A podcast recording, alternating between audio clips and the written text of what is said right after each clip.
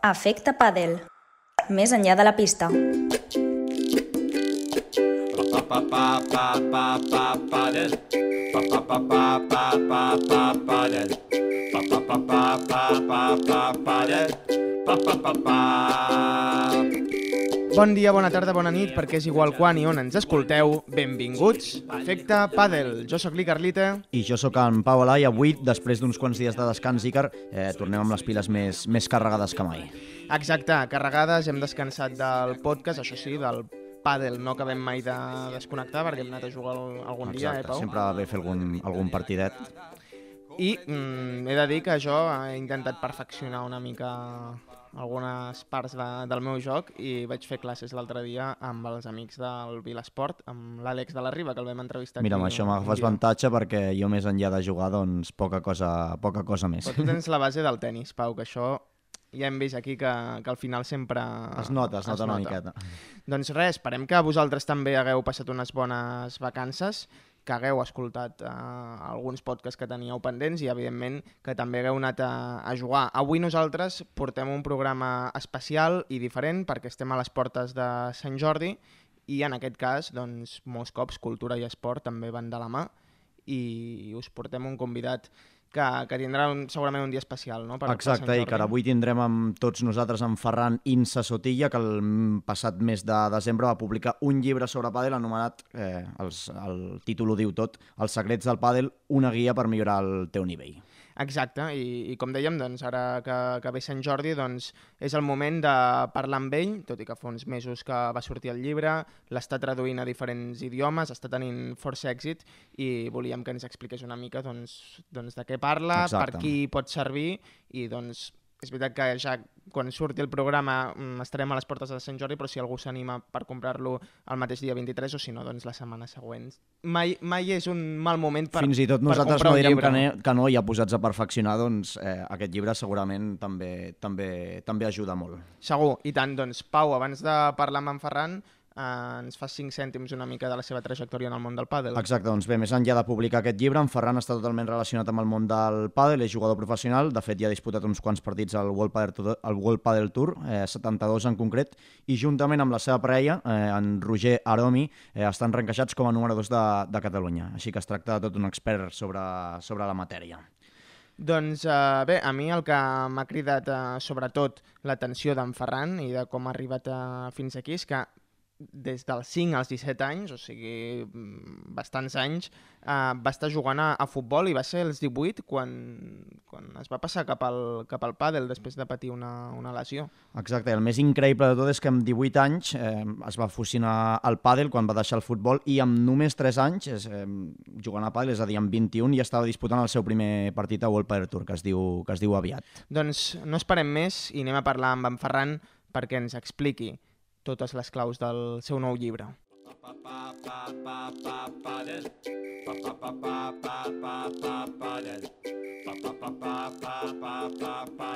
Molt bones, Ferran Insa, què tal? Benvingut a Efecte Padel. Hola, què tal? Com estem? Tot bé? Doncs mira, encantat d'estar de, amb vosaltres al programa i, i ara que ve un Sant Jordi, tot i que avui ha estat un dia una mica plujós, a veure si surt el, el sol al màxim possible i es poden vendre molts llibres. Bueno, Ferran, un dels grans motius pels quals tenim aquí és per parlar de, del teu llibre que vas publicar el passat desembre, anomenat Els secrets del pàdel, una guia per millorar el teu nivell. Abans eh, de posar-nos a parlar sobre el llibre i una mica de, de les dates especials que venen de Sant Jordi, deixa'm preguntar-te una cosa que m'ha cridat molt l'atenció i és que, com, com vam comentat a, a la introducció, eh, des dels 5 als 6 anys vas estar jugant a futbol i un cop ho vas deixar amb 18 eh, vas començar a dedicar-te al pàdel i al cap de 3 anys, només amb, amb 21, eh, ja estaves jugant el teu primer partit a World Padel Tour, que déu-n'hi-do quina progressió.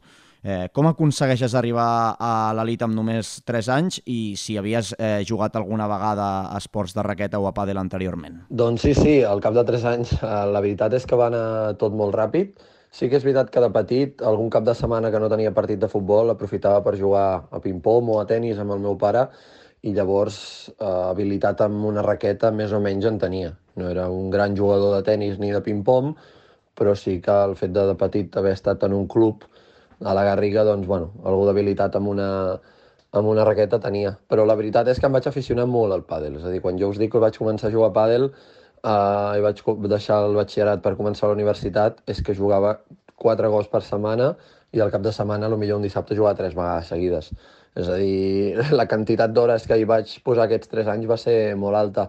I sí, el tema és que em van donar un Wilker per jugar un Challenger del World Padel Tour eh, que es va realitzar a Sant Cugat, al Club Augusta, perquè vaig començar a jugar al circuit sub-23 i, i bé, vam perdre la final de, de la prova que es va disputar a Barcelona, que vam jugar casualment contra Guille Casal i Ale Galán, que Ale Galán pues, avui en dia està número 1 del món.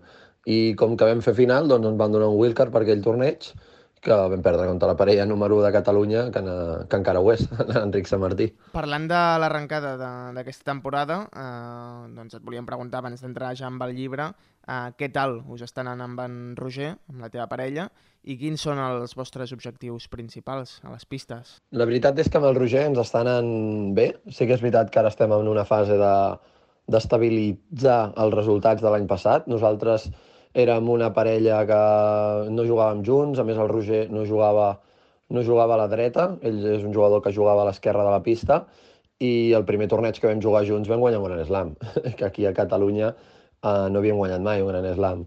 Sí. Uh, a partir d'aquí l'any passat doncs, vam guanyar bastants tornejos, uh, és a dir, era nou per nosaltres ser candidats a, a guanyar a guanyar tornejos i aquest any el que estem fent és intentar estabilitzar aquest nivell, aquests resultats, perquè quan passes a, a la banda de, de ser una mica el, com el, el favorit, tens com la responsabilitat de guanyar eh, alguns partits que abans no tenies la responsabilitat, ostres, i això t'afecta t'afecta una mica mentalment i, i el que està clar és que has de, has de batallar amb això i sobretot intentar seguir millorant per tenir nous objectius, com és eh, doncs guanyar eh, a tots sempre aquí a Catalunya i a World Padel Tour, que es juga d'una manera diferent perquè la bola rebota molt més i, i són rivals molt diferents i tal, eh, intentar allà donar el màxim de si, millorant cops el dia a dia entrenant i anar millorant i millorant per no, per no conformar-nos amb això i tenir objectius, però de moment aquest any el que hem fet, doncs, bueno, ha estat bé, ha estat bé. Bueno, i entrant en matèria, la veritat és que el títol del, del llibre deixa bastant clara quina, quina és la idea. És un llibre totalment orientat a l'aprenentatge o tu tenies algun altre objectiu més a l'hora de, de publicar-lo? Doncs sí, el llibre totalment és encarat a l'aprenentatge perquè uh, intento que partint des dels conceptes generals, passant per iniciació, es pugui arribar a conèixer conceptes de, de nivell avançat i professional. A mi m'agrada molt l'aspecte tàctic perquè és un aspecte molt intel·lectual, molt mental, que no implica l'habilitat de fer-ho, sinó que tu entenguis el que hauries de fer. I això, doncs, com jo he sigut un jugador que va arribar tard en aquest esport, va ser el primer que em vaig agafar, el primer concepte que em vaig agafar. El pàdel, eh, el teu nivell depèn del teu nivell tècnic, físic i tàctic. Però el físic i el tècnic són moltes hores.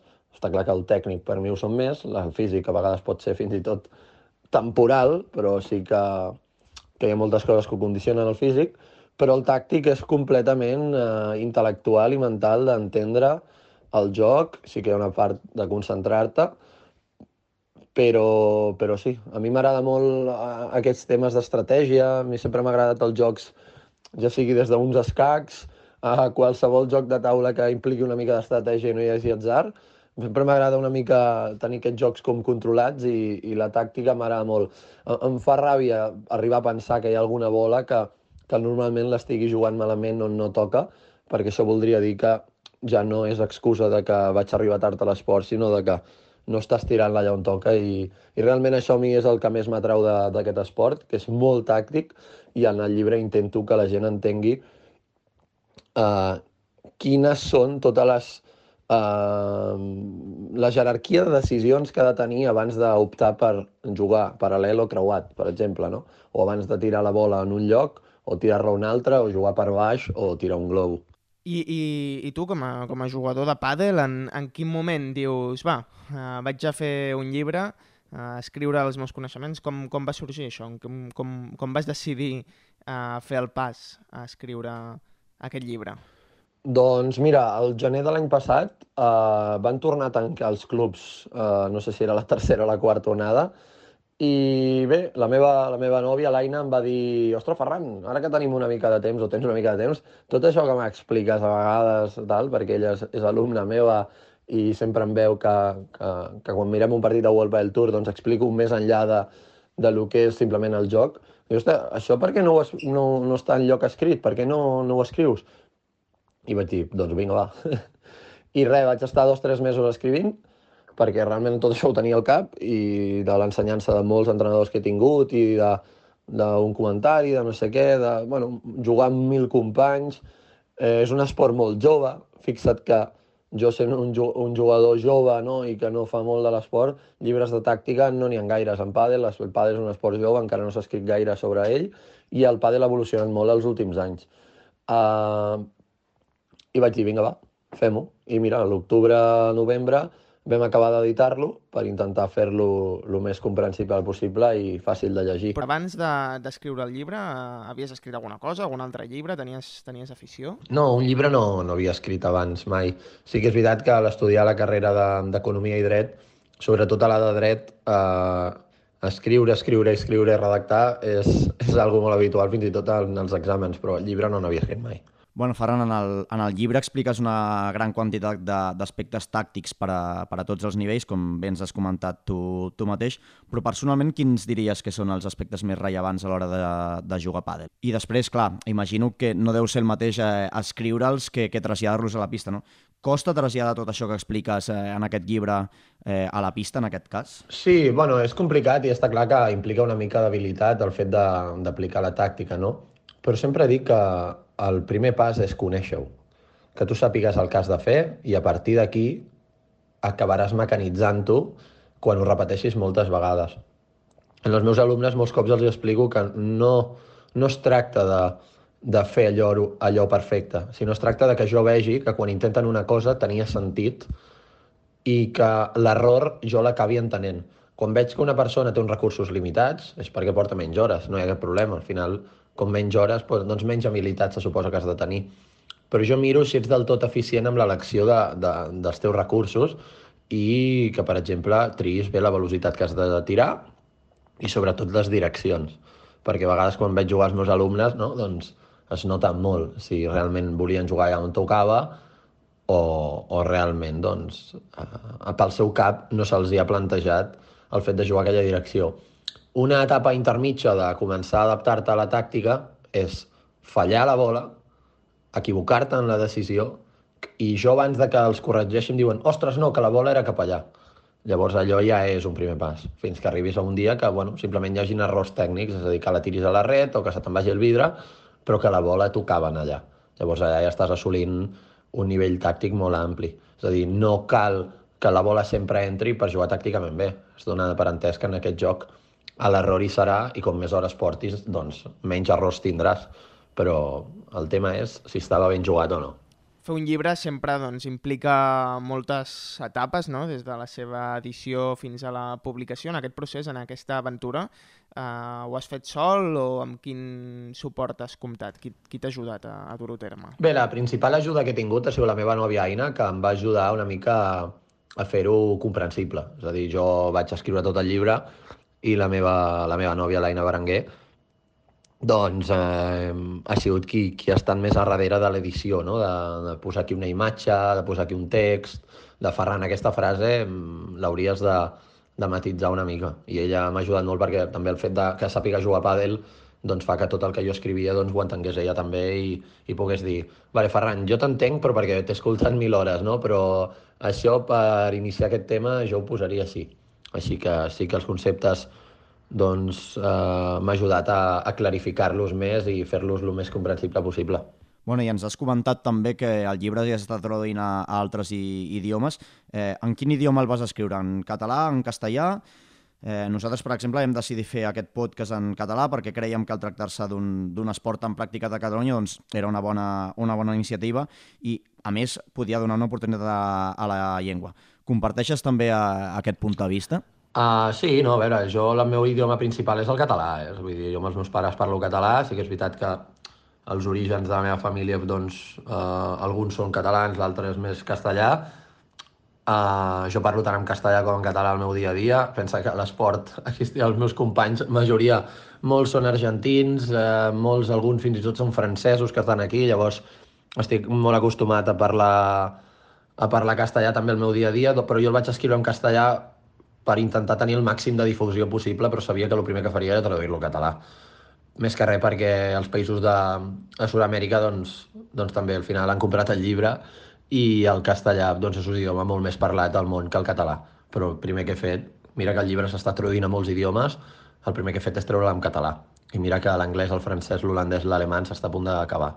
Però, bueno, al final ha sigut un tema més de, de veure quanta gent practicant de l'esport hi havia i, i, i amb un idioma havia de començar. I vaig començar amb el castellà doncs, perquè podia arribar molta més gent en un principi i després a la que han passat dos mesos doncs ho he passat al català. Des que vau publicar el llibre al desembre eh, ja s'està traduint, eh, com bé deies ara, altres llengües com el francès, l'anglès, l'italià o, o l'alemany.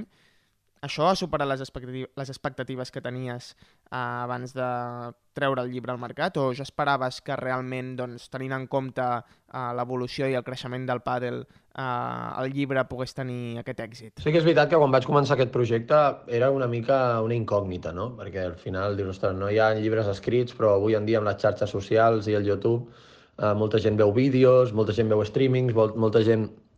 Ja, ja la, el pàdel surt a la tele, no sé si el format en paper el 2022 encara serà un reclam, però sí que potser he tingut la novetat de, de ser com dels primers, no? que intenti fer un llibre per tots els nivells i que no només es quedin al nivell d'iniciació i que sigui un llibre completament d'aprenentatge, no? perquè al final el llibre té un preu que qualsevol classe de pàdel és més cara, una classe particular, i a part el llibre tens allà els conceptes per sempre, no?